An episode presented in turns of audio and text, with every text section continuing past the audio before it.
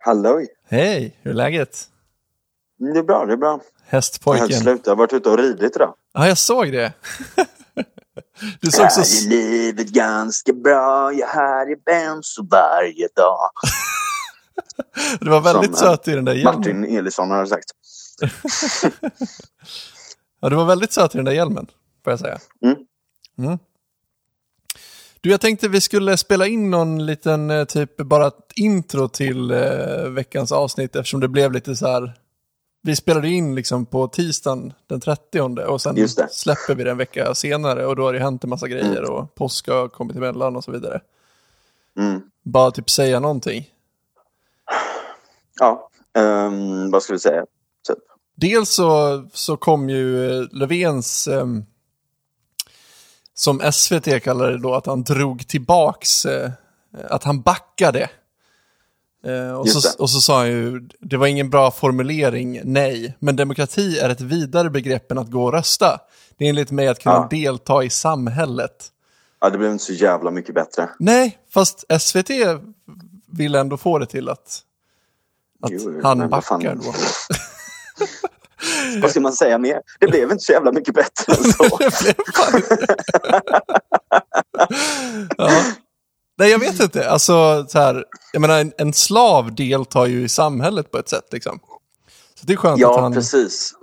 Ja, nej men alltså också det här liksom att inom ramen för vad liksom? Jag menar, det är en sak att ha liksom gränser för vart det kan gå Mm. också. Jag menar, ehm, vi är ju inte en myrstack liksom. Jag menar, det är ju all, liksom, någonstans måste ju liksom individens gränser för fri och rättigheter gå också i det här. Mm. Vilket också är en jävligt viktig del av demokratibegreppet. Liksom. Ja, Men vi, vi snackar ju en hel del om det där. Liksom. Jag tycker Mm. att vi fångar det mesta. Men alltså, hans, hans bortförklaring där blir ju fan inte så jävla mycket bättre. Alltså. Nej, jag tyckte nästan den var värre än det första uttalandet, Ja, om jag ska vara helt nästan. ärlig. Eh, Ja. så att, eh, såg du att eh, de två ministrarna som eh, ökar i förtroende mest var Lena Hallengren och Morgan Johansson? Nej, Har du inte sett den här undersökningen? fy fan. Hur känns det? Hur är det möjligt? Ja, jag vet inte. Men alltså, de har ju liksom... De har ju typ frågat, eller det är 500 pers som har svarat på, någon, på den här Ja.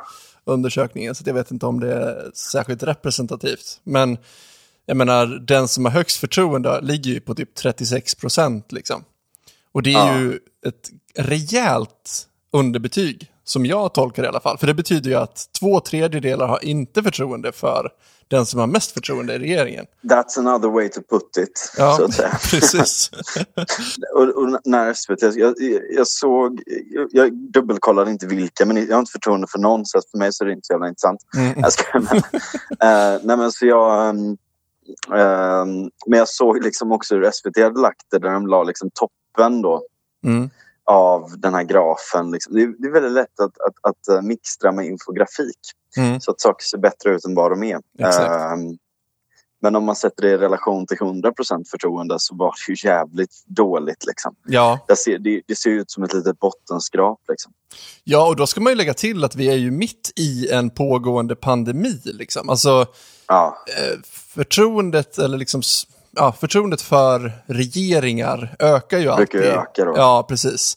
Så då kan man ju tänka sig att när vi väl kommer ur den här skiten, vad, vad händer då?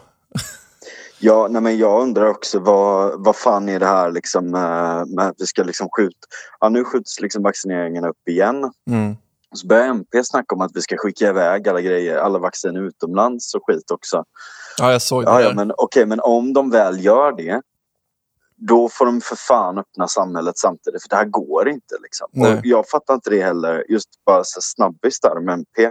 Jag fattar inte grejen med liksom jag menar, det, det kan ju knappast någonstans vara värt det för någon i slutändan om vi måste ha kvar en lockdown så att vi förlorar en jävla massa pengar på det och resurser och allt möjligt. Mm. Eh, och, och folks liksom, lycka eller det ena och det andra och det tredje. Liksom. Mm. Eh, och skickar iväg alla vaccin till några som ändå inte kommer bli klara. Liksom. Så att, jag menar, om vi får hela vårt maskineri igång liksom, Mm. då, är det ju, då kan vi ju hjälpa till jättemycket mer än det här jävla lamslagna läget vi är i just nu. Ja, precis. Och vi kan till och med, jag kan fan till och med betala lite jävla extra skatt under en period också om vi löser det här först. Ja, För att kunna liksom skicka de här vaccinen ner. Det är ju jätteviktigt att det inte muteras och sådär. Jag, det håller jag verkligen med om. mm. Men, men det är liksom lite den här i, i flygplanet, liksom, att sätta på sig masken först innan man hjälper någon annan.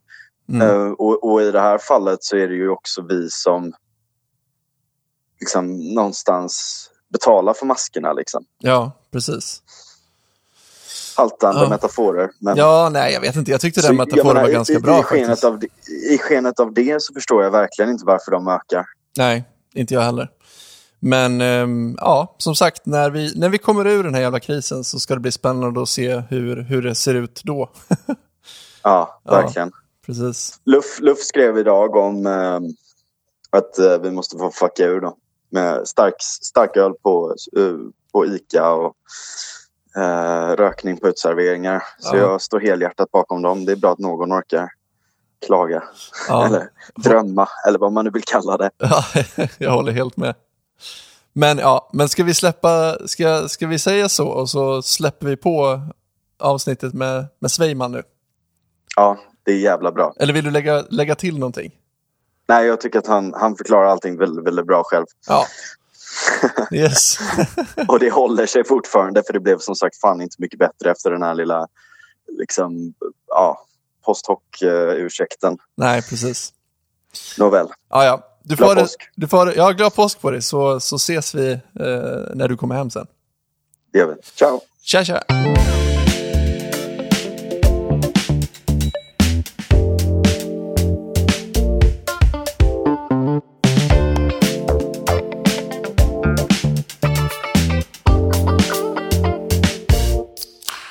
Ja, var ska man börja? Ja, vad ska man börja?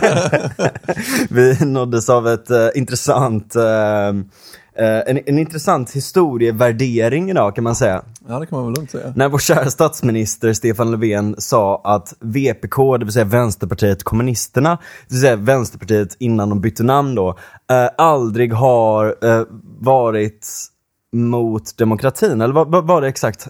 Nu kommer jag inte ihåg bara för att Jag ska ta upp det nästan och dubbelkolla här. Men, men det är liksom summa summarum var det att de har alltid stått på demokratins sida kan man väl säga. Ja, Eh, och eh, så, så blev det ju såklart uh, ett total liksom eh, brak på Twitter. Ehm, och det har varit väldigt många som såhär, ah, det stämmer ju inte riktigt liksom. Alla förutom Jonas Sjöstedt. eh, som tycker att det här är helt rätt. Eh, och eh, med oss i studion har vi en som har varit ganska aktiv idag, på upp sådana här exempel. Eh, så jag ringde upp och frågade, fan Adam, ska du inte komma och, och snacka av dig lite? Ja. här är jag. Adam Sveiman, välkommen till studion. Tack, tack. Hejsan. Det var min grej nu alltså. Ja, nej men vart ska man börja? Uff. Alltså jag är lite förvånad över att Jonas Sjöstedt inte... Sjöstedt är ju en av de som vet om sitt partis historia och har också varit rätt medveten om de misstag som har gjorts. Och han har skrivit en fantastisk bok om personer som gjorde hela resan från det finns en bok som heter Från masthugget till Barcelona. Ja, sånt där. Som handlar om ett par som var aktiva kommunister. Som var liksom där maken tror han åkte ner till Spanien, var med i spanska inbördeskriget och sen liksom åka på resor till Moskva och så vidare och sen har blivit desillusionerad. Hela den resa som det partiet gjorde. Ja. För att det är ju ett parti som har gjort en jävla resa liksom. Ehm, och som både på något sätt, de har både stött Nazityskland och Sovjetunionen. Det är det enda partiet som har lyckats med det. Centrister. Eh, de har liksom, eh, de har haft falanger och delar, det har varit mycket splittringar och så vidare. Men Sjöstedt vet ju om att de har en, en problematisk historia. Ja.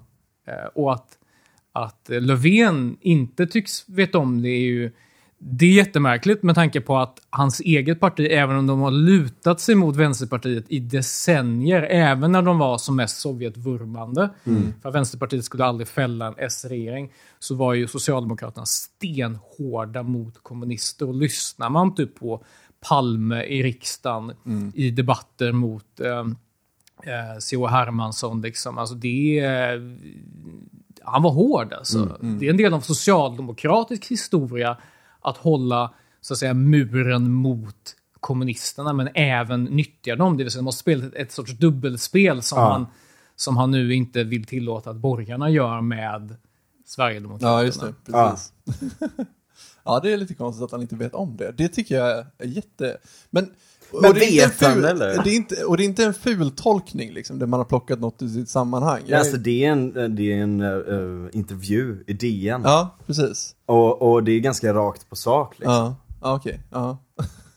Nej men det, det är ju liksom, det jag undrar här liksom, och jag tror att det var Heinö, tror jag, som, som skrev eh, liksom eh, på, ja, på Timbro då liksom, är det här någon jävla wag the dog liksom? Eller vad fan, vad är det liksom, vad, vad händer liksom? Hur kan man liksom säga något sånt?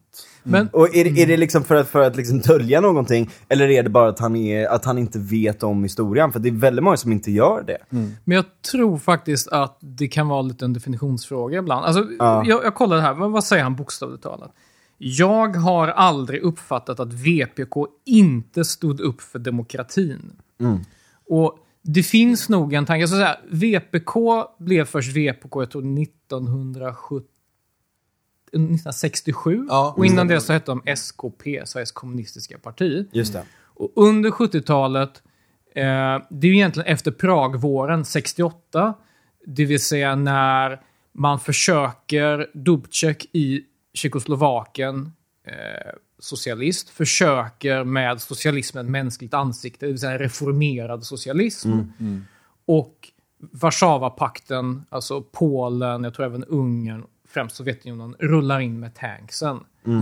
Och då börjar man splittra sig. Då, bör, då finns det en falang inom, eh, inom VPK som är stenhårt, jag tror det är runt Norrskensflamman, runt den tidningen, som är stenhårt fortfarande Sovjettrogna. Och så har man en falang som börjar vara så här, ah, det här kanske inte är så bra, vi måste ta diskussionen om, om problemen med yttrandefrihet och liknande i, i Sovjetunionen. Men under hela 70-talet så fortsätter man ju ha den här en sorts liksom, debatt om det här som är stenhård ibland.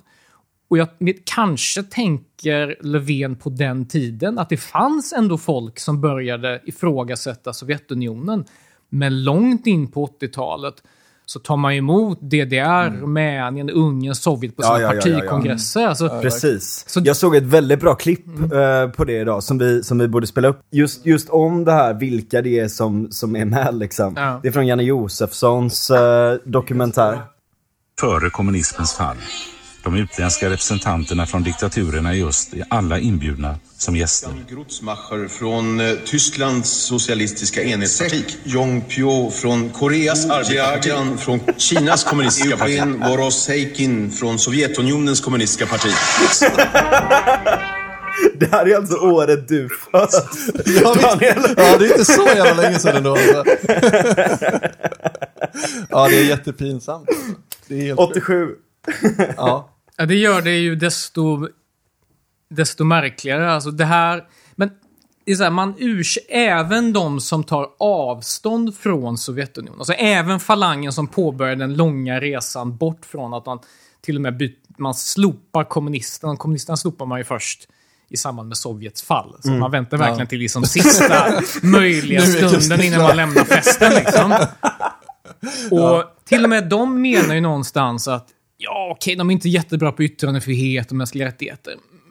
Men det är ändå väldigt mycket framsteg i de länderna. Så man är inte helt och liksom, man har inte släppt det helt och hållet och romantiseringen fortsätter ju. Alltså, fort, Fortfarande på 2000-talet när man ser autokraten Hugo Chavez så finns det ju personer som Ali Esbati som bara, det här är löftet, det här är hoppet, det här är socialism för 2000-talet. Så man släpper ju aldrig det. Man har hela tiden det här dubbeltänket att, ja men vänta, är bara framstegen tillräckligt stora så kan vi nog, alltså för att göra omelett måste man knäcka några ägg. Så att, kanske är det så, nu vill jag tolka Löfven väldigt välvilligt, att han ser splittringen på 70-talet som ett exempel på att ja, men de var ändå demokrater. Men nej, Nej. det var de inte. För de hade inte den demokratiska instinkten att här är total brist på yttrandefrihet, fria val. Det finns ingenting ursäktande här. Alltså jag är så förvånad över att man inte... Egentligen så är redan 1917 borde man förstå att när bolsjevikerna krossar eh, den socialistiska oppositionen i landet. För bolsjevikerna vinner ju inte valet. Nej. Utan, utan det är eh, socialistrevolutionärerna som blir överlägset störst, största parti. Och man ignorerar valvinsten, kör över dem. Det sker ett enda möte i, national, eller i liksom, eh, nationalförsamlingen. Några enstaka lokala val. Sen tänker man bara, det här går inte bra. Bolsjevikerna kör över alla.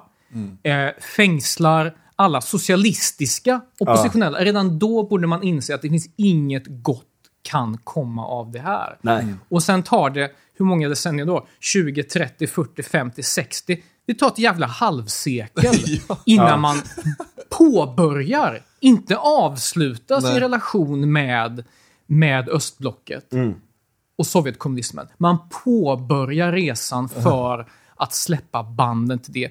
Och som ni spelade upp det här klippet, fortfarande på 80-talet så kan man tänka sig ha varma, goda relationer, Ja. dricka vodka Nästan på kvällen. 90-talet i princip är ju Ja, det. ja, det är inte Ja. långt Det, så, att- ifrån, så att, alltså, det, finns, det, finns inget, det finns ingen relativisering här och påstår man något annat att, att det här var ett parti som hade demokratiska instinkter så ljuger man eller är okunnig. Sen kan man diskutera liksom, var alla med på det? Det fanns personer som verkligen... Sjöstedt tillhör, i mitt intryck, den falangen av människor som tidigt fa- fattade liksom i sin ungdom att Sovjet var inte jättebra. Det finns annan sorts socialism. Men Men det var ju andra som sa liksom så här, ja, Gulag.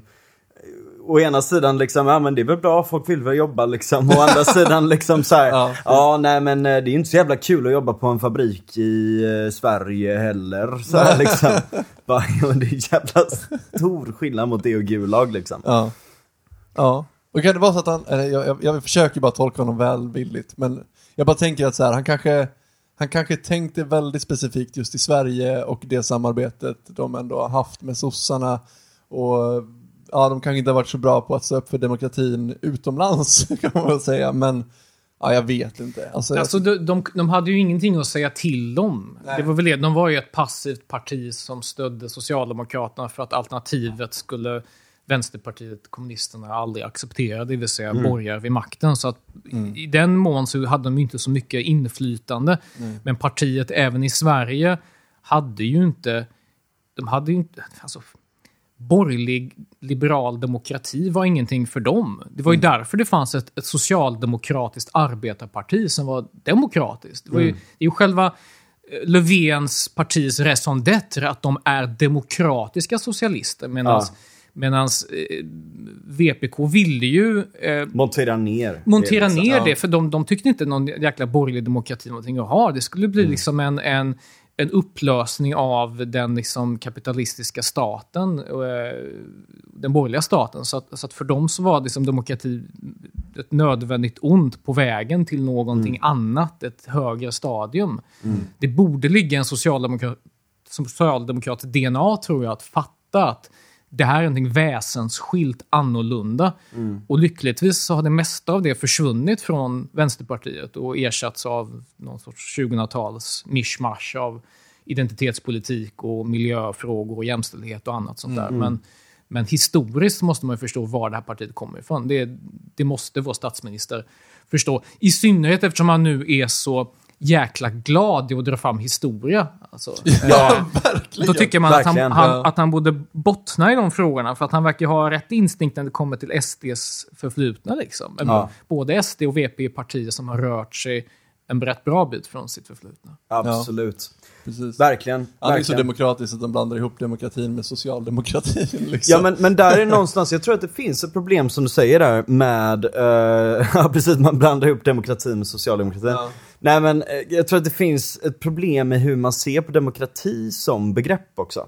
Att, att, att ehm, jag menar, typ, liksom man, man pratar till exempel liksom, eh, så här, på det sättet som vänstern är demokratiska enligt deras mening då. Ja, just Det är att, ja men de vill ju att alla ska, eh, eller de vill ju ha ett lika utfall typ, eller de vill ju ha liksom en, eh, en, en, en kommunism där alla är med och, eh, och påverkar och alla är med och delaktiga i sina fabriker och Ja, du vet, tänker hela att så så här- Ja, men alltså- Demokratiska folkrepubliken. Liksom. Ja men Att det- precis, de, de pratar ju sorts- om det på det sättet Ja, att liksom, det är den sanna demokratin är liksom när, när, när liksom, eh, när, när alla äger allt liksom och när, när Mm. alla är en del av det här stora jävla hive-minden. Ja. Som bara liksom, allt, som, som eh, liksom till slut ska bli på det sättet liksom. Mm. Vi kommer behöva de här tyrannerna, kleptokraterna och, och centralplanerarna Jo. tills vi lyckas upplösa allting så att vi kan, eh, så att vi kan ha liksom det här samhället där alla bara äger allting och har det gött liksom.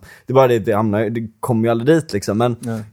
någonstans så kanske det är så att han menar att det är en liksom form av demokrati som, som är Så- värd att Som en liksom... sosse så borde han inte tycka... Alltså, Precis, jag, jag kan som en sosse det om borde han ju verkligen- ja. ser det så och tänker så. Absolut, det, kan jag ändå förstå i liksom, deras logik på något vis. Om, som, precis som du säger.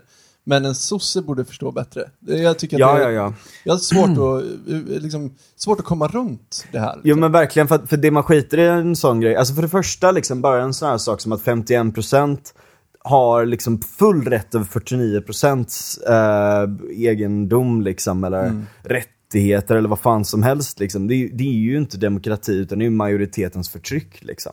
Och, och jag menar, och, och, och liksom i extended sådär liksom så, så kan man ju säga att det som en, en, en viktig del i liberal demokrati som det ser ut just nu som i princip är vårat mått för vad det är som är demokrati så handlar det också om fri och rättigheter. Och, och det, Ja. det, det, det skiter ju Vänsterpartiet i liksom.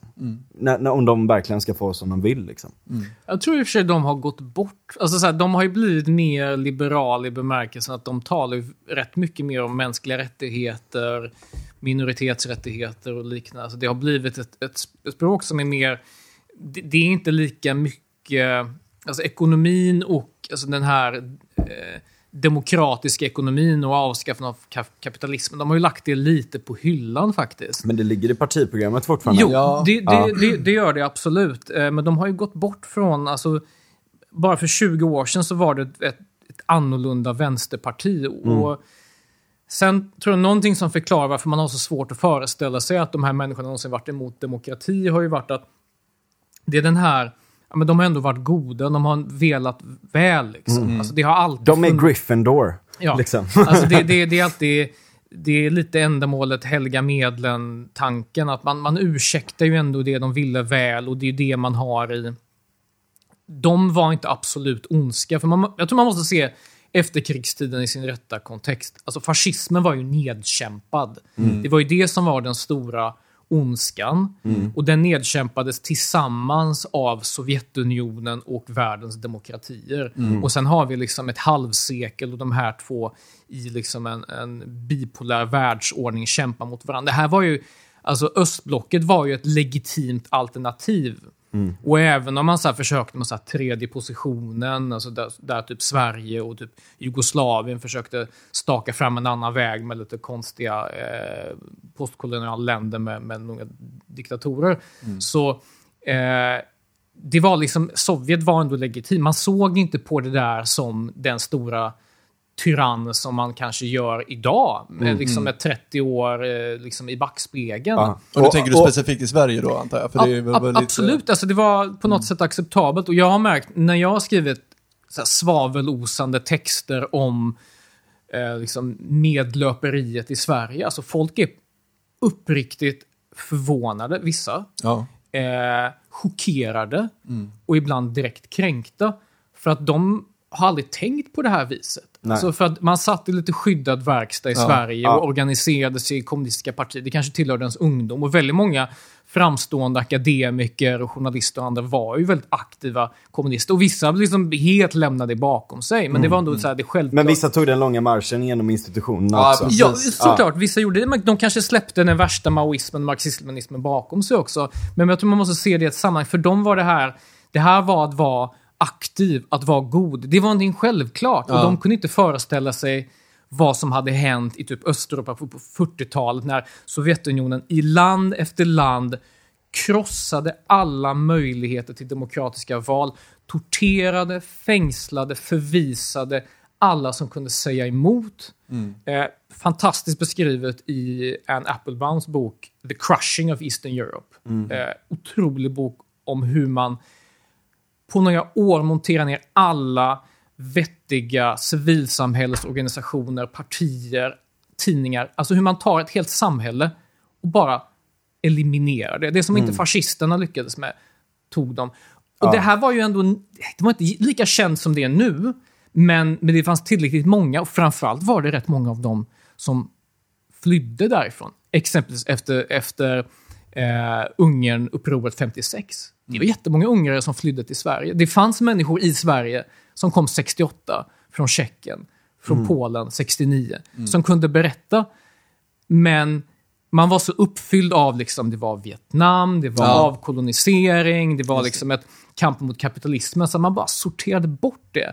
Och jag tror att många människor sorterade bort det och gör det än i denna tid. Jag såg en vänsterpartist, nu minns inte jag hennes namn, som på Twitter öppet skrev så här, vadå odemokratiskt? Nämn ett exempel. Och så, det Ja, ja. Vroom! liksom. Och så bara så här, 150 svar. Vissa är rätt dåliga, men en del bara så här sakupplysningar. Och det är så här, jag tror att vissa inte kan föreställa sig att de var antidemokrater, för de är Ja. själva besjälade av goda, bra grejer. De är säkert väldigt woke och tycker Ja. om jämställdhet, jämlikhet och allt som är behjärtansvärt i vår tid. Och jag skulle säga liksom lite i, liksom på samma sätt som vi pratade om i förra avsnittet, eh, liksom lite height, moral foundations och, och så vidare. Liksom att det är många, jag har jättemånga vänner som är vänsterpartister av bra anledningar. Eh, jag kan tycka att så här, eh, så här, det stora problemet ligger i den politiska praktiken, hur man utformar förslag och eh, själva partiet i sig. Att det är väldigt, väldigt många där som har fruktansvärda åsikter. Eller helt galna åsikter liksom. På samma sätt som, som man kan säga att liksom SD har personer med vidriga åsikter. Eller väldigt, väldigt dumma åsikter. Eller bara så här knäppa grejer liksom. Eh, men, men det finns ju liksom väldigt många som röstar liksom både på SD och på V som gör det av goda anledningar liksom. Eh, och, och jag känner inte så jättemånga som röstar på SD så att det, jag har svårt att uttala mig men väldigt, väldigt många som röstar på V. Och, och de gör ju det för att så här, nej men typ, eh, du vet, att, att, att det är så här, Socialdemokraterna känns som ett eh, eh, maktparti eh, som, som är liksom lite så här eh, crony capitalist och man kan inte riktigt lita på dem och, och de vänder kappan efter vinden och liksom eh, och, och liksom kastar invandrare under bussen så fort de kan liksom och sådär. Eh, men man är vänster för att man vill ha en, en fungerande grundtrygghet och en viss form av omfördelning. Ja. här, jag förstår det 100%. Och de är ju liksom. väldigt duktiga på att klä sin politik i fina ord, liksom. Att de vill ha jämlikhet och jämställdhet och, och hela den biten, liksom. Vilket jag förstår säljer bland folk som kanske inte tänker så Men då, långt, är, det- liksom. då undrar man, Alltså, är det genuint eller inte? Liksom? Jag menar, i Ung Vänster så har du fortfarande de här ganska kraftigt, liksom, alltså ganska kraftiga åsikter. Alltså kommunister och de vägrar ta i hand med andra ungdomsförbundare för att de är en del av liksom, det kapitalistiska maskineriet. Och du vet, Jaha, det är så alltså? Ja, ja, Ja, det, ja. det minns jag från min tid också. Ja, de just just ung vänster som inte ville ta i hand och så. Och det, men de är ju extremt besjälade av... Och det, på ett sätt så låter det väldigt likt så som det lät på 70 80-talet och 60 Mm. alltså det, och Man hade hela tiden de här goda avsikterna så, och, och var ibland... Alltså I vissa perioder var man mer hård med att det krävdes hårda nypor för att för, liksom, få igenom de här grejerna. Och man gick ju väldigt, väldigt långt. Och jag tror att någonting som, som döm, där historien dömer den här rörelsen väldigt hårt och gör det fortfarande är det, det är Thomas Sowell, eh, den amerikanska ekonomen, har sagt att man kan inte värdera politik efter hur goda avsikter den Nej. har, Nej. utan efter vilka incitament den skapar för människor i samhället. Det vill säga vilka effekter får den, hur påverkar människors val och hur de agerar och vad, vad, är effekten? Mät effekten, mät inte avsikten. Japp. Och, och man var så himla, så himla besjälad tidigare av att få bort någonting som var fruktansvärt, det vill säga ett väldigt ojämlikt, brutalt klassamhälle där vissa hade väldigt, väldigt lite och vissa grupper förtrycktes väldigt mycket. Eh, och, jag är helt säker på, hade jag levt liksom 1890-talet i Östeuropa där mina förfäder bodde, jag är rätt säker på att jag skulle ha blivit någon form av liksom socialist eller kommunist eller liknande. För att det, det var rörelsen för jämlikhet och det var rörelsen för frihet. För, Ja. och, och så. Och en, Eh, liksom en grundtrygghet, men Mm. också friheter från liksom en ganska förtryckande aristokrati och en stat som var mer intresserad av prestige än, än, än sitt folk liksom. Jo, det är ju lätt att sitta i efterhand och vara, vara efterklok med facit i hand liksom. Men, men det är då man blir så jävla provocerad med, Precis. med folk som inte, som faktiskt sitter med facit i hand och ändå Ja. inte kan säga att Alltså "Ja, det här- facit började ju komma rätt tidigt. Mm. Och det fanns ju red, alltså redan när, när Lenin bråkade med mensjeviker och andra socialister med anarkister. Alltså redan på 1870-talet finns det en livaktig debatt mellan marxister och anarkister när liksom eh, Bakunin och, och andra anarkister verkligen är stenhårt emot liksom det, det ofrihetliga bland vissa marxister. Alltså facit har funnits väldigt länge. Man kan säga att den debatten påbörjas på 1860-70-talet. Sen pågår den fram till, till och med revolutionen. Kanske att man hade en ursäkt då, "Nej, vi vet inte, vi måste testa liksom. Men från Ja. 1917 och framåt så kan man bara säga... eh, Att det gått åt helvete. Ja, man, precis. Man, man kan bara säga... Man kan inte säga jag visste inte. För ville du verkligen veta och ägnade du ditt liv åt socialistisk kamp, då är du Ja. förpliktigad tror jag att veta hur din historia ser ut. Du kan inte skylla på okunskap för att kunskapen har funnits där sedan dess. Ja. Och det är det som är så, på något sätt tycker jag, obehagligt när man möter historielöshet idag, hundra år senare. Vi har all information om det här. Det- Vi har vittnesmålen, vi har människorna, vi kan möta dem. Eh, när jag har skrivit om sånt här så har jag fått fantastiska mails från, från ester som flydde från kommunismen, eller polacker och tjecker som, som har känt en tryckande känsla ibland i Sverige av att vad är det för fel på de här människorna som inte, som, som inte kan se det här för vad det är. Det finns ingen klarsyn liksom. Och den klarsynen inte illvilligt menad. Jag tror inte Löfven är liksom kryptokommunist på riktigt. Nej. Jag tror inte Nej, han nej, är Nej, det. jag tror liksom. verkligen inte det heller. Eh. Jag tror att det är liksom hela den här Anders Lindberg-doktrinen som, som, som han bara liksom missförstått för att han är inte en sån som håller på så liksom. Ja. Möjligtvis liksom. Nej men verkligen, och, men det som är så märkligt också är att även moderna exempel har gått så jävla dåligt. Typ Venezuela Ja, ja visst. eh, Ja, det är ju ett sånt jävla bra exempel på det. De har så jävla mycket naturtillgångar. De Mm. ligger på ett ställe som ligger väldigt bra till när det kommer till världshandel. Precis vid Panamakanalen liksom, Mm. eller precis runt. Och nära till USA. eh, och, och liksom ja, ett väldigt vackert land också. Men, men det är kapat av centralplanerande kleptokrater som bara tar pengar till sig själva och, och gör det med våld och, och liksom bryter ner hela befolkningen successivt. Liksom. Alltså det, det är ett, jag, ska ge dig, jag ska invända det lite grann. Alltså Det Ja. var en kleptokrati innan Chavez kom till makten också. Ja, ja, men det kan jag tänka Eh, mig. på, på sätt och vis. Det, det var ett dysfunktionellt land redan innan, men jag tror man hade svårt att förvänta sig hur mycket värre det kunde bli. Och sen så blev det, 20 år senare, så, så är undervikt ett problem i den urbana befolkningen. Alltså Ja. svält med andra ord, eh, eller brist på mediciner.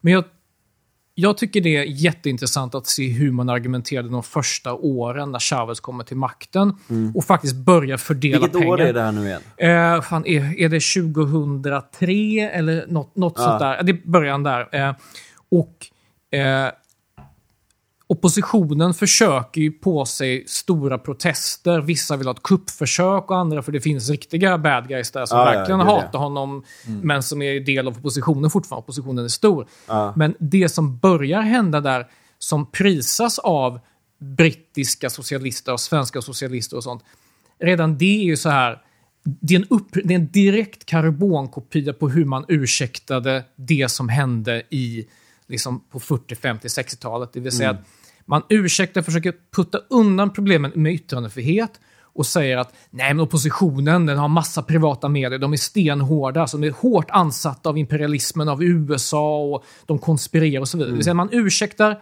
och säga att vissa saker är nödvändiga för att värna liksom, eh, integriteten på regeringsmakten.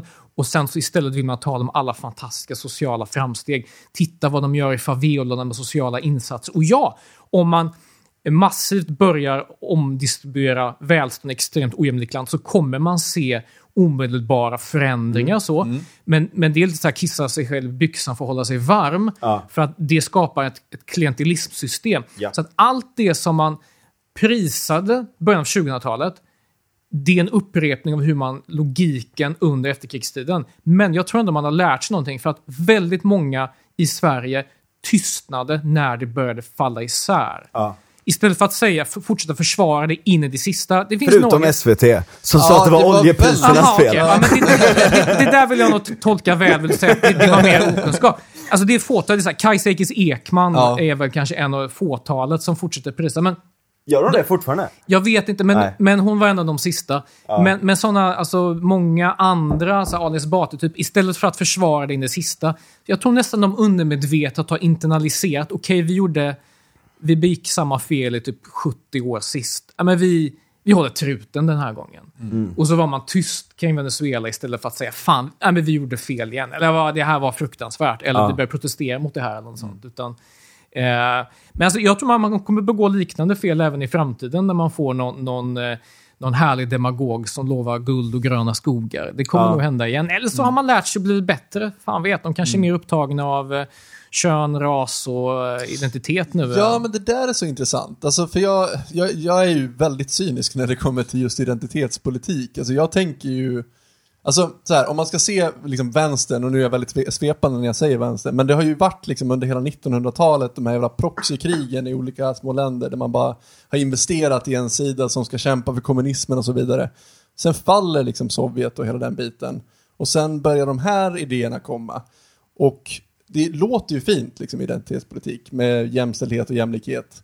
Eh, men är inte det också en typ av proxykrig?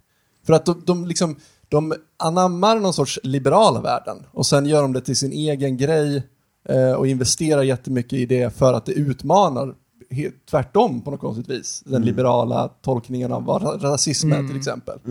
Så att jag, ja, jag vet inte. Fast man verkar ändå inom, vilket jag tycker är intressant, man verkar in, ändå inom ramen för ett kapitalistiskt system. Ja, det är Alltså man, är, man är idag mer intresserad av att Google ska kvotera minoriteter Mm. och säga rätt woke grejer än vad man är att störta Google som företag. Eh, Jo, som är en av precis. Mm. världens rikaste. Alltså, ta identitetspolitikens framväxt på 2010-talet sammanfaller med techbolagens stora framväxt. Mm. Eh, där de blivit helt gigantiska.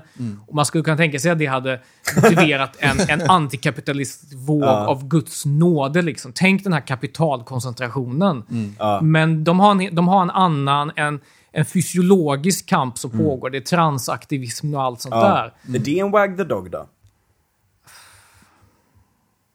Jag tror inte de är så smarta. Alltså. Jag, jag, tror, jag tror inte det. Alltså.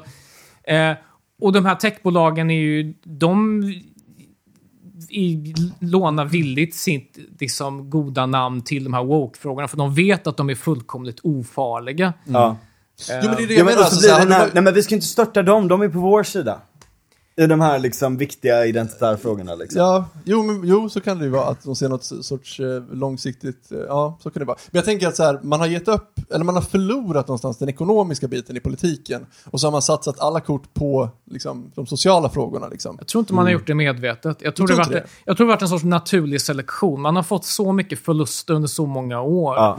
Och så många drömsamhällen som bara fallit ner i despoti, förtryck och, och tortyr och liksom etter värre.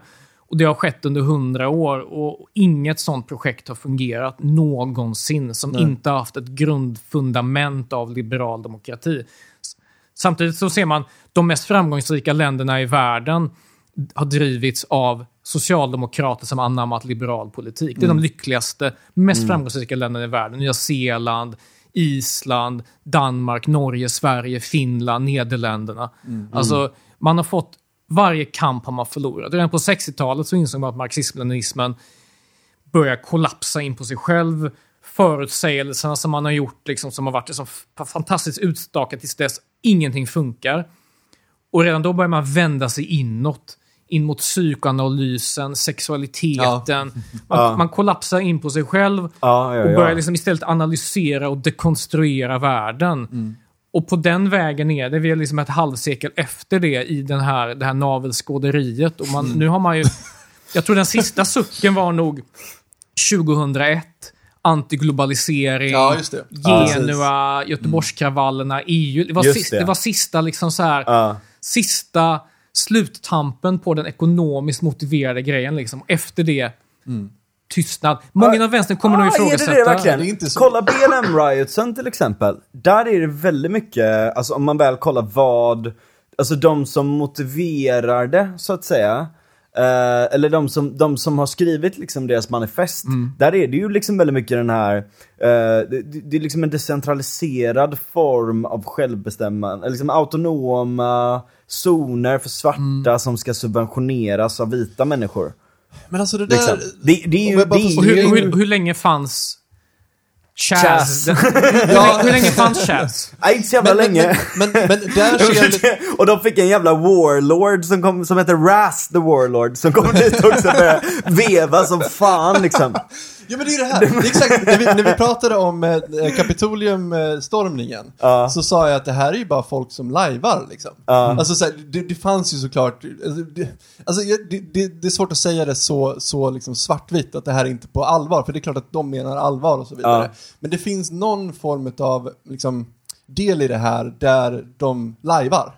Och det känner jag väldigt mycket med ja, men de med BLM som säger att de är kommunister och allting där. Ja, men, alltså, jag tror inte att de riktigt Jag menar vet. deras program var ju helt galet i de Ja, ja frågorna visst, liksom. ja, och de, ja visst, och de säger sådana saker. Ja. Men någonstans så är det, så kan jag liksom Ja, inte nej, det- ta det, det- på allvar. nej, jag det, är, det. det. är, det är ett lajvande på något konstigt vis. Och de vill bara vara emot, tror jag. Det är någon sorts liksom pubertal grej. Så Jag vet de, de, de ställer ju inte upp, alltså de som drev liksom Pariskommunen och, och som har liksom skapat autonoma eh, socialistiska delstater direkt efter första världskriget, de hade ju en, en helgjuten samhällsidé. Liksom. De, Ja. från, från botten upp. Liksom. Allting ska, ska socialiseras, man ska konfiskera vissa grejer och sen så blir det kommittéer och liknande. Man har ju ett samhällssystem redo. Ja. Det har man ju inte riktigt nu. Eh, och det är därför man verkar inom ramen för det socialistiska borgerliga liberala samhället. Man accepterar egentligen dess premisser även om, ja okej, tittar man i Vs partiprogram så står det väl någonting pliktskyldigt med ett annat samhälle är nödvändigt, jada jada. Ung vänster har tvingat Ja, men det, de det, det, är ingen som, så på, det är ingen som orkar göra det. Det är ingen som Nej. vill det. Liksom. det och det, det finns inget, inget, inget tryck efter det. För att är, vårt samhälle med alla sina brister, med sin liksom, eh, konsumtion, ytlighet och så vidare, är också det mest framgångsrika, lyckliga och fria samhälle som mänskligheten någonsin skådat.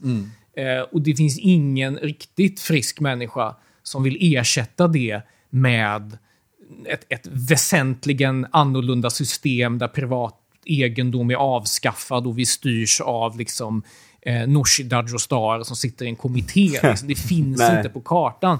Så därför vänder man sig hela tiden inåt igen och vill hellre Kanske att man bråkar ibland i, och, och revolterar tillfälligt, men man ger ju sig tillbaka in i systemet igen. Varför tror du inte att vänstern eller kommunisterna, socialisterna och allt sånt där har blickat mot Kina mer?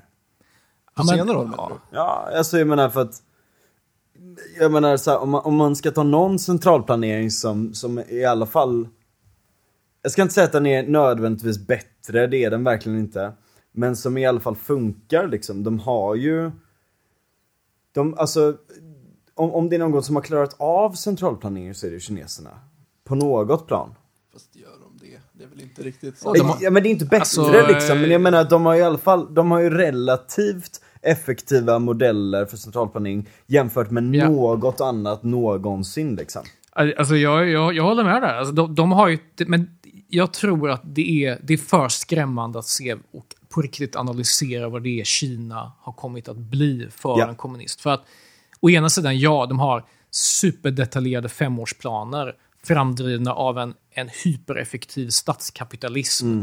De har arbetsläger för bråkiga minoriteter. De har Ja. total övervakning som Sovjet aldrig kunde drömma om. Som dessutom inte behöver vara lika eh, påtaglig som liksom några KGB-typer som stryker omkring liksom, Ja. ner på gatan, fast de har det också. Nej, den är liksom ubiquitous Ja. överallt. Och det, liksom. det, det är för jobbigt att inse att vilken monstrositet det här är. Det här är Ja. liksom den, den värsta avarten av kapitalism de kan tänka sig. Med den värsta avarten av sin egen ideologi. Och, Mm. alltså, Varför handskas med det här, det här missfostret?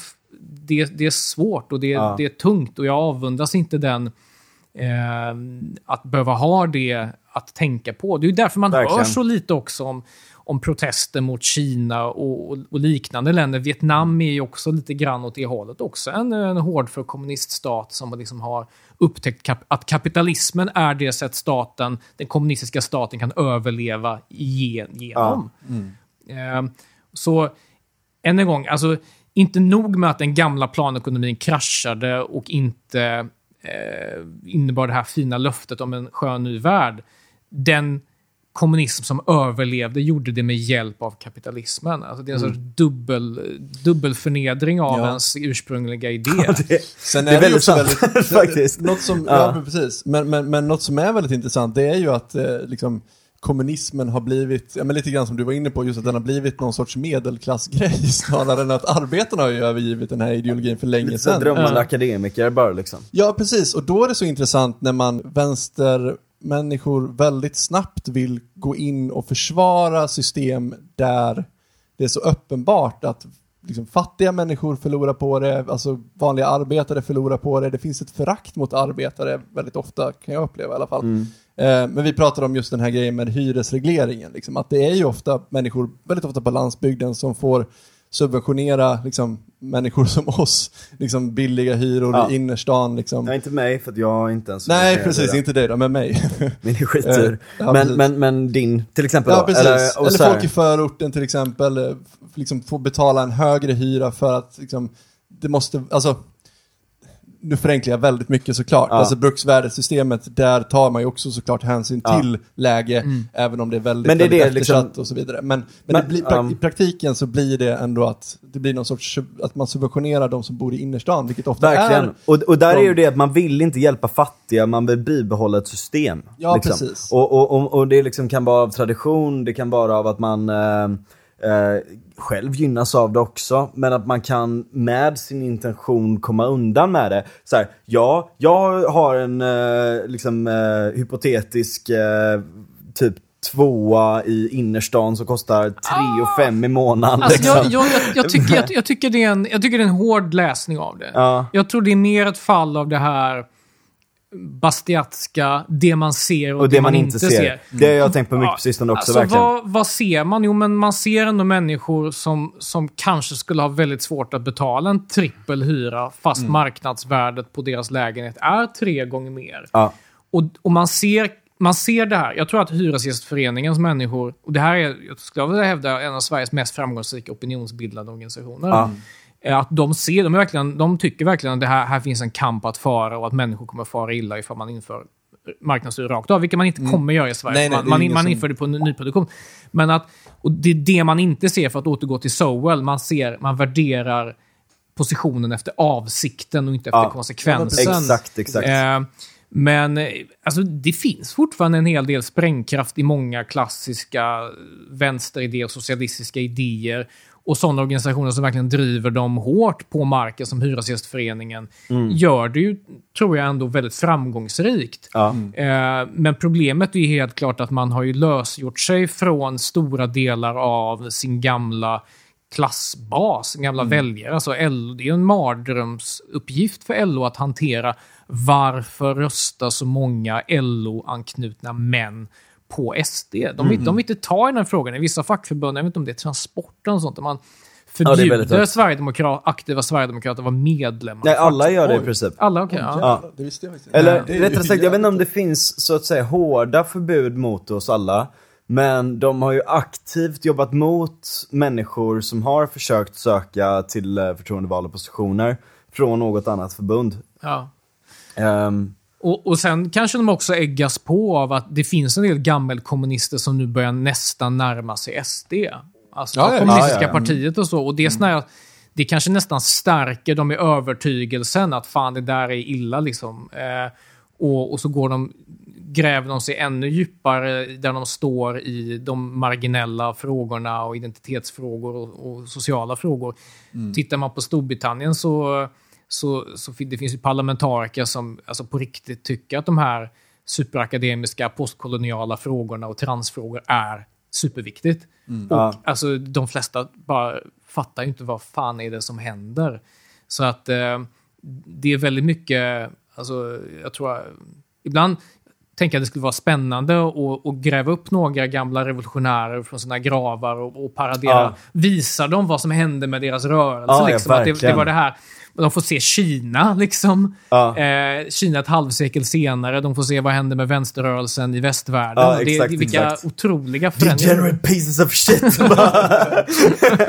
Hade man grävt upp Adam Smith hade han ju älskat det. Ge mig en bärs för fan, sitter ni fortfarande på puben och dricker?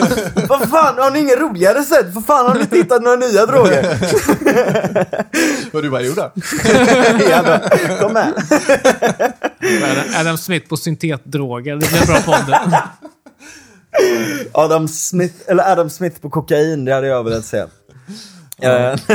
nej, men, nej men verkligen liksom, man kan ju verkligen det, det där är så intressant också med vilka, jag såg på tal om, om, om kommunism så här. Eh, det finns ett sånt skämtkonto som heter Marx failed to consider. liksom, alltså, så eller ett sånt skämt som man pratar om ofta då, att så här, Marx tänkte inte på den här saken faktiskt. Som att han skulle haft svaren på allting.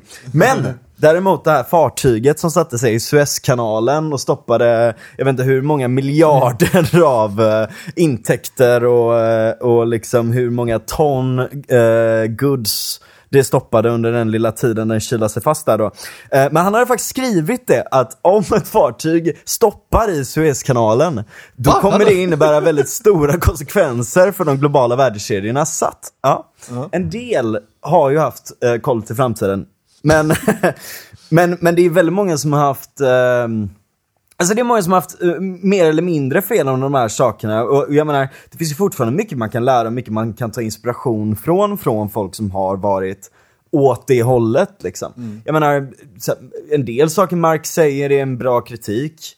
Det är det Eh, som en, är en del saker, ofta. en del Ja. saker Foucault säger är jävligt bra kritik, på tal om navelskåda då liksom. Eh, liksom eller så här, postmodern kritik, menar en del sådana saker, det är en bra kritik men det inte en bra kritik nödvändigtvis mot kapitalism eller mot eh, marknadsliberalism, utan det är en bra kritik mot livet, en bra kritik mot vad är det för strukturer vi bygger upp inom ramen Ja, av absolut. det fria och hur kan de bli förtryckande? Hur kan de bli exploaterande? Hur tar vi hänsyn till det? Jag menar lösningen är inte att skapa en exploaterande superkraft som, som, som eh, gör det istället liksom. Eh, och det är väl där de har haft fel i sina liksom, slutsatser, men, men det kan ju fortfarande vara bra kritik liksom. Ja, verkligen. Absolut. Och det, är klart, det är klart man ska lära sig det här och förstå det här. Det, det, jag slås ofta av att de som är väldigt motiverade av vänsteråsikter, de, de är rätt, ofta rätt ointresserade av teoretiker på andra sidan. Ja. Ehm, och det har alltid förvånat mig rätt mycket. Alltså, Ja. ehm, alltså att, att, att förstå Marx som ju faktiskt tyckte att det var nödvändigt att samhällen blev eh, kapitalistiska och fick en, en, en borgerlig eh, demokratisk revolution först. Liksom. Han, han såg historia som ett, liksom som ett, ett deterministiskt skede där det skulle gå Ja, vissa stadier. Och det, det är jätteintressant att läsa det. Och det han hade många intressanta, bra poänger i det här. Ehm, och det finns mycket att lära också av hur eh, central planering fungerar och inte fungerar ibland och så vidare. Liksom, ofta så gör det det inte. Eh, jag tror dock att jag berör mig bort från att man ska vara så ide- ideologiskt dogmatisk egentligen. Utan det, det är bättre att försöka... Eh, därför jag läser mer och mer Sowell med tiden, för han är, han är så mer intresserad av att se vad får det här för konsekvenser Ja. i den Ja. verkliga världen. Liksom. Precis. Även någonting som i teorin är fantastiskt uttänkt och låter otroligt i en rapport eller ett manifest och liknande. Det måste prövas. Saker måste prövas. Ibland måste man skifta om i ett samhälle och vissa saker som, som exempelvis alliansregeringen gjorde med fantastiska avsikter eh, kanske hade fungerat bättre givet andra omständigheter. Jag tänker på sådant liksom som eh, väldigt mycket privata pengar i, i offentlig sektor. Ja. Alltså valfrihet, ja. Eh, men är det en bra match alla gånger? Offentliga upphandlingar och stora privata bolag? Precis, vad skapar precis. man för incitamentsystem? Blir de rent-seeking? Exakt. Och, och, och kan man vara självkritisk i tid och, och slakta lite heliga liksom, eh, kor och, och inte vara så jäkla lojal med sin sida, då kommer man vara bättre inför framtiden. Eh, det här är ju en av de problemen med, om vi återkommer till det vi började med, liksom, alltså hela den här den, socialistiska rörelsen på 1900-talet. Där hängde man ju fast vid sina ideologiska manifest och principer oavsett vad som hände i verkligheten. Och måtte inte liberaler, andra, göra samma misstag. Alltså, Men det skjut ligger väl- dogmerna. Ja, men Ja. liber- liberaler är väl mer öppna. Säger jag lite så själv. Nej, men eh, man, man är väl ofta mer intresserad av eh, kritik och vrida och vända på saker och fundera över. Ja, att vara kluven. Ja, ja, ja. faktiskt. Ja, men precis. Ja. Alltså jag tycker väldigt mycket av eh, liksom, jag vill inte säga identitetspolitiska saker, men jag menar jag har ju läst väldigt mycket, typ Judith Butler och sånt. Alltså så här, Ja. det, det, finns ju, det finns ju en kritik i, i hela den här rörelsen som är relevant. Liksom, och jag tror att det, det är en bra kraft just i att den håller liberalismen på tårna lite grann. Ja. Och eh, gör, görs uppmärksam på de misstag som, jag menar, ja men det är klart man kan säga att vi kan ha ett, att vi ska ha ett samhälle där, som är färgblint liksom. Mm. Men risken är att du blir blind för även rasism när den väl, Mm. väl liksom upptäcks. Ja, exakt, eller exakt. när den väl manifesterar sig. Och, och då behöver man någon som säger liksom Mm. att nu får ni sluta vara lite färgblinda. Liksom. Ja. Eh, men som sagt, de har ju värdelösa lösningar på allting. Det är ju det, är ju det som är oftast problemet. Liksom. Ja, ja, verkligen. Så ja. Nej, men det är på samma sätt som jag menar, SD var jättebra när de började formulera en del problem liksom, eh, på sätt och vis liksom, som Ja. inga andra partier kanske vågade säga om hur vi hanterade eh, migrationen liksom. Eh, I viss mån liksom, men deras lösningar är skitdåliga också. Mm. Ja. Alltså, man, ett system som inte kan tåla kritik liksom, Mm. Eh, och, och som försöker liksom antingen eh, som, som i Polen slänga ut oppositionella krafter eller försöker tysta dem eller vad fan som helst. Liksom. Det är ju inget bra system liksom. Det håller ju inte men ett system, det är nästan popperianskt liksom. Falsifikationsmässigt liksom. Att ett system som klarar falsifikation, ett system som, som klarar att eh, anpassa sig också och förändra sig och, och, och arbeta med människor, det kommer ju att klara sig väldigt, väldigt mycket bättre i slutändan. Och det kommer ge folk väldigt, väldigt mycket trevligare eh, plats att vara på under tiden det gör det också liksom. Ja, verkligen. Amen. Amen. Jo, men en, en sak jag har tänkt på nu i år med vänstern som jag tycker har varit väldigt roligt, det är just att så här, men året började med stormningen av Kapitolium och då var vänstern där och bara här, politiskt våld är fel. Och man bara, men hela förra året, vad fan? Och sen kom GameStop och jag har en kompis som är så här die hard kommunist. Och hon bara, jag har köpt aktier. Jag bara, "Jaha, okej, vad fan händer nu liksom? Och sen nu senast med, med Yasin. Då var det Ja. helt plötsligt så här jätteviktigt att göra skillnad på sak och person. Och man bara, ja, jag håller med. men ni gör ju inte det. Jag är på eran sida, men det är inte ni. Vad, vad är det som händer? Liksom? Ja. Börjar vänstern bli vettigare? Jag Men, men, men, men, men vad, vad är de tre, det, det gemensamma draget i de här tre händelserna? Eh, Kapitolium, det är massa läskiga alt-right-typer och folk i pälsmössor och Ja. sydstatsflaggor. och mjukisbyxor. ja, just det. Precis. Icke att förglömma. Eh, GameStop, ja men det är någonstans, om man läste lite mer, att ja, men det är liksom det är hedgefondmiljardärerna som har shortat den här stackars, Ja. stackars folkaktien liksom. Och när det kom till Yasin, ja men det är liksom en, en, en förortens man, liksom eh, arbetarskildringar för det, det är arbetarlitteratur för 2000-talet kommer kulturskribenterna försöka krysta fram liksom. Ja. Så det finns en röd tråd här att ändamålet, det helga medlen. Ja. Det, vill säga att omvänt då, att förra året våldet var nödvändigt för att störta. Liksom. Det, det var helt okej att bränna ner polisstationer och liknande för att det, men det var ju mot Och polisvåldet. dessutom inta governmental buildings. Ja, vilket de och- gjorde också liksom. Precis, alltså det, det, det är än en gång, alltså det, här, det här är, ni ser, det här är liksom ett, ett eh, bestående tema i vänster. Liksom. Det, principerna är inte så jäkla viktiga så länge vi kan använda dem till Ja. vår fördel. Ja, och det Och där det- är svårt alltså. Jag tycker att det är väldigt svårt. Men, och, och jag menar i det läget så är det så här: okej men ni måste ta avstånd från det här! Absolut!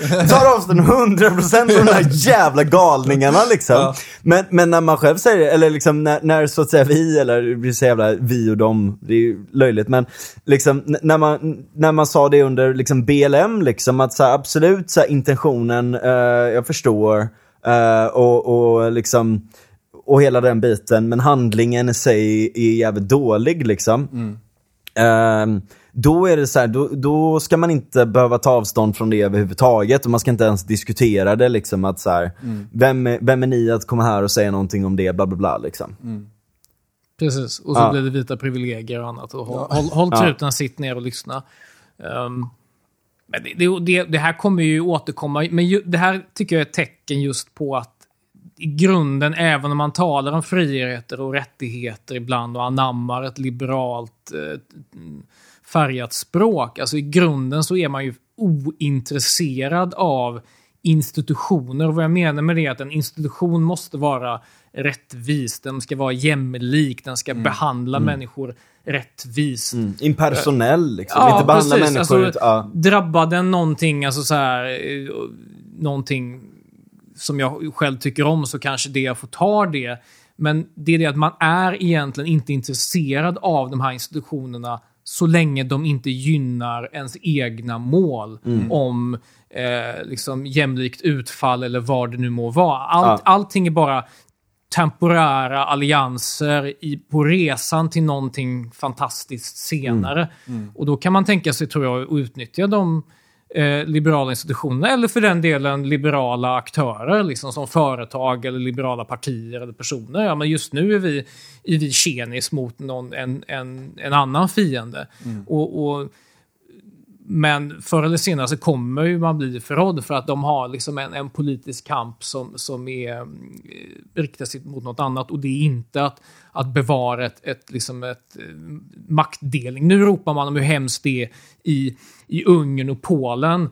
Ja, men det är ju för att det är nationalkonservativa typer som gör det. Ni har inte haft problem med, liksom, med dålig maktdelning tidigare. Snarast så vill man ha, Exakt. velat ha ett, en, liksom en, ett demokratiskt rättssystem. Det är ju det polackerna och ungrarna gör för att de just nu sitter inne på makten. Ja. Men bara för att det är makt som vänstern inte tycker om så är man plötsligt för ah, liberal delning av makt och det är bra Ja. med checks and balances. Fan, vad har ni varit de senaste 200 åren när ni har drivit liksom... Verkligen alltså. och det, och det, här, det finns en opportunism här. Man ska inte låta sig luras tror jag av liksom, ah, de har börjat bli liberala. Nej, Nej. precis. nej, nej. nej. Nej, men det är Nej. precis min poäng och det är det jag var lite grann inne på när jag pratade om proxykrig också. Att så här, jag köper inte riktigt de här äh, slagorden när de använder dem. För att jag vet att det här är bara temporär bullshit egentligen. Ja. Eh, och jag tror absolut så här, när det kommer till rasism och allting sånt så tror jag att det finns ett genuint eh, eh, engagemang från väldigt många människor som oftast tycker jag luras med i det här snacket. Medan jag tycker, alltså jag, jag, jag, jag är inte lika naiv när det kommer till vänsterns krig för att jag vet att det är bara temporära saker som de utnyttjar för stunden. Och det stör mig jättemycket. Ja, ja verkligen. Nej men jag, jag håller med. Och, och det, det är liksom... Det är som... Så jag tyckte också det var kul liksom, för jag menar... Jag menar jag står inte nödvändigtvis alltid på Wall Street sida heller. Jag Nej, tycker att de, de har varit jävla assholes liksom. Men det är ju för att de har utnyttjat staten för sina egna intressen liksom. Alltså som eh, he, hela liksom, Mattias Svensson skriver väldigt bra om det här i sin bok om, om finanskrisen. Den Eh, statens återkomst. Ja, precis, precis. Ehm, och, och liksom, eh, och går in på det här med att, jo men du har haft, eh, dels så, på tal om bostadspolitik så var det ju liksom eh, en idé då att man skulle, alla skulle få housing, bla bla bla bla bla. Det var liksom subventioner, det var stora statliga program och så vidare. Eh, I kombination då med att man avreglerade för ehm, ja, för, för de här finansfirmorna att kunna göra lite vad fan de ville. Eh, och de demonterade ju, eller monterade ner samtidigt liksom alla kontrollmekanismer. Jag menar, vid ett tag så var det typ en anställd på den här jävla kontrollmyndigheten som satte trippel A på grejer. Liksom. Ehm, och ehm, Var inte det AIG som gjorde det? Jo, nej, Det- AIG var ett uh, hedgefund. Det är väl en jag. bank. Ja. Ja. Eh, jag men, har eller faktiskt en jobbat bank. på AIG. Liten, liten... Har du det? Vad sjukt. ja, men det var länge sedan. Ja, nej men, men liksom såhär, jag menar, och, och, ehm, och de sa åh, åh nej, vi var too big to fail och nu ska vi få en jävla massa pengar från staten. Liksom. Och, så här, antipatin lever ju kvar från den tiden och det är ju mycket det som speglar GME-grejen till exempel, GameStop. eh, eh, grejen att, att, att folk är så här: ni har robbat oss på våra pengar, vi ska robba dem tillbaka och så vidare. Liksom. Mm. Och det, jag, menar, jag kan hålla med på sätt och vis, typ, men de vill ju göra det för att de vill störta, de vill inte göra det för att liksom, Jo. de här... Fast, fast ja. notera att den här gången så vill man inte, man, man rusar inte in på de här shorting, liksom, de som short, alltså som, som, ehm, som bettade mot GameStop-aktien. Det är inte som att man tar över deras kontor och vill liksom fördela pengarna, utan Nej. vad man gör nu, än en gång, man verkar inom kapitalismen. Ja. Personer blir, på pappret, kapitalister Ja. för att omfördela makten. Och det är jag helt med på. Ja! Ja. Eh, och jag tycker det är rätt fantastiskt att eh, det, någonting som har- 2010-talet har fört med sig är ju att millenniegenerationen har fått liksom, istället för att, att ringa till Nordea och bara jag vill köpa en aktie, liksom, vilket man gjorde. Jag minns, jag har gjort det. Jag, har- jag har ringt och bara, jag har en gatekeeper, liksom, nå, Ja. någon person i Dressman-kostym som liksom måste så här, fixa att min aktie blir köpt och så har jag Ja. den om en, liksom, några dagar. Nu har jag liksom, gör jag det i min telefon. Jag gör det i Avanza eller Mm, Ja. de gör det i Robin Hood, fast nu hatar de Robin Hood visserligen Ja, det, ja. i efter GameStop-grejen.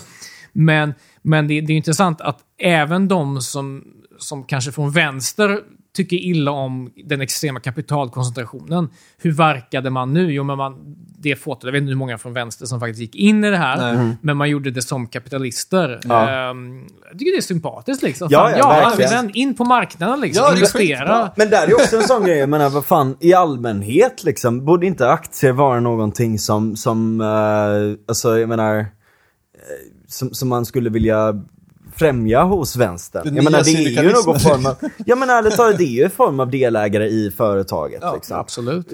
Grön Ungdom gjorde en grej nu nyligen och det var, du vet, som alltid när, när de försöker göra bra saker där så är det liksom bra till en viss gräns och sen bara nej. Liksom. och då var det så här, när de pratar om att liksom eh, eh, att, att man skulle ha mer utrymme för ägaroptioner i, eh, i företag och sådär då. Att, du- att du i princip får aktier istället för lön eh, och, och sådär då. Eh, och det är jättebra. Alltså, det, är väl, det är väl ett jättebra sätt att styra vissa sorters företag. Men du kan ju inte tvinga alla företag att ha just den modellen. det är Nej, inte det är säkert väl att den modellen är bäst för alla. Men, och, och det var ju liksom där de failade då, för då blev det liksom nästan åt Ja, löntagarfondhållet. exakt. liksom. Ja, men, men jag menar, som en frivillig mekanism, eh, eller till och med att starta ett eget företag själv som har den eh, sorten. Jag menar, för, för små växande företag så är ju det ett incitament för folk att eh, lägga ner tid och kraft till att göra det till ett bra företag. Liksom. Det är ju superbra. Men, men, men det blir just när det, den här, det här tvånget kommer in som det blir så jävla dåligt och begränsande. Liksom. Eh, och, och det där stör jag mig på så jävla mycket. Och, och det återkommer lite till det jag snackade om innan, det här med att, att liksom formen av det hela, eller liksom systemet av det hela är det viktigaste. Liksom. Att man ska göra det på exakt det här sättet på ett principiellt plan, alltså dogmatiskt plan. När det finns så mycket man hade kunnat göra från vänsterhållet som är mer processorienterat. Alltså som inte tänker bara liksom i ett ti- tidssteg noll så ska vi liksom jämna ut allting. Utan att man skapar, att man tänker processorienterat, TN liksom. Eh, tiden när den går liksom längre fram, hur skapar man processer som kan få folk ur fattigdom? Hur skapar man processer som kan bilda till och med fan jävla autonoma zoner om ni nu vill ha det också? Ja, Köp upp lite jävla mark liksom. Ja. Gör någonting då liksom. Ja. Och, och jag menar, det är väl inte helt omöjligt. Det är så många som kan jobba på distans nu. Köp upp en jävla gård, gör någonting där. Ha lite folk som får odla sin skit. Eh, och, och liksom någon som sitter och eh, liksom gör kläder åt folk och någon som gör det ena och det andra. Liksom, det finns väl en jävla massa folk som hade velat signa upp på det. Men gör det då. Ja, precis. Och gör det frihetligt. Liksom. Ja. Starta en kibbutz om du vill göra det. Men tvinga inte folk. liksom. Nej, precis. det liksom. det, där man kan tvinga folk, det är väl snarare typ när det kommer till liksom feta jävla utsläpp som inte går att lösa på något Mm. annat sätt. Där absolut, det är jättebra att man, att man har, men där måste man också ha incitamentsystem. Där måste man ha utsläppshandel.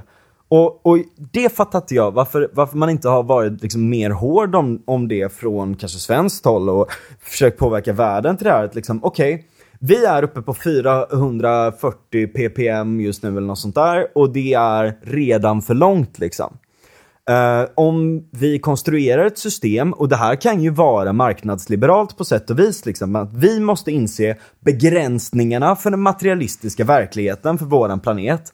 Det är den här, eh, den här nivån av utsläpp i atmosfären. Eh, och då har du ett system som utgår från det där du sen kan sälja till exempel. Mm. Och då säljer du liksom eh, rättigheter att kunna släppa ut. Om det är någon som jobbar med att ta ner dem, alltså det vill säga någon som odlar träd, någon som har kolfilter som plockar in eh, koldioxid från, eh, från naturen och sådär. Ja men då kan du, eh, då kan väl de få liksom ett positivt in på det då, eller de kan sälja nya emissioner från deras håll. Alltså det finns så många sätt du skulle kunna konstruera bra system som fungerar med människor. Men man vägrar och ser bara ett antingen eller. Antingen så eh, sitter vi här och är sura, eller så störtar vi allting och gör på nytt sätt. Mm. Men jag menar strax efter revolutionen, vad fan hände då? Du har ingen kontroll, det är ett stort maktvakuum. Och det går alltid åt helvete för att det blir starka personer som tar över liksom. Rant. men, men, men jag stör mig på det. Jag kan klippa. Eller vad? Ja. Ja, jag, måste, jag måste börja dra mig. Ja. jag såg Ja, att yes. klockan var mycket. Men eh, ska vi avrunda? Ja, vi avrundar eller? där liksom. Ja. Ehm, ja, nej men eh, det, ja, det, finns, det finns väldigt, väldigt mycket man kan ta här och, och det känns som att vi, vi djupdök ner i ett ämne som, som kan fortsätta i sin evighet nästan. verkligen. liksom. men, men det är väldigt, väldigt intressant att höra från dig eh, om de här sakerna för att du kan jävligt mycket. Eh, och jag tror att det här är någonting som folk eh, verkligen kan, kan gynnas av att förstå. Liksom. Det som du menar är att folk blir så förvånade eller folk blir nästan kränkta av liksom, när en världsbild splittras. Liksom. Men någonstans måste man göra det. Vi har, gjort, vi har den processen runt SD. Det är väldigt, väldigt bra att vi synar dem, men vi måste också syna andra liksom, de här andra ideologiska, ganska starka krafterna också. Liksom. Absolut. Om inget annat så, så kanske det kan hjälpa oss att undvika vissa misstag där vi riskerar att bli spårbundna. Där en rörelse tänker att ändamålet helgar medlet. För det är någonstans kärnan i problemet som återkommer hela tiden. Att man är, för att återkomma till Sowell, man tänker mer på, är avsikten god? Okej, bra, då kör vi. Istället för att tänka på vilka incitament skapar det här för människor och samhällen. Hamnar man mer där, då kommer man undvika vissa av de här eh, tragiska misstagen som har skett. Liksom. Men, men för att, för att fatta det tror jag man måste grotta ner sig i sin historia. Och inte hela tiden vänta på att det sitter liksom sura eh, liberala ledarskribenter eller mm, tomtar på nätet som man ska upplysa om. den. Alltså det är även vår statsminister eller aktiva vänsterpartister som måste fatta vad misstagen byggde på. Ja. Det, det känns som en sorts grundkrav för att verka politiskt nästan. Verkligen, verkligen. Tack så mycket. Ja, tackar, tackar.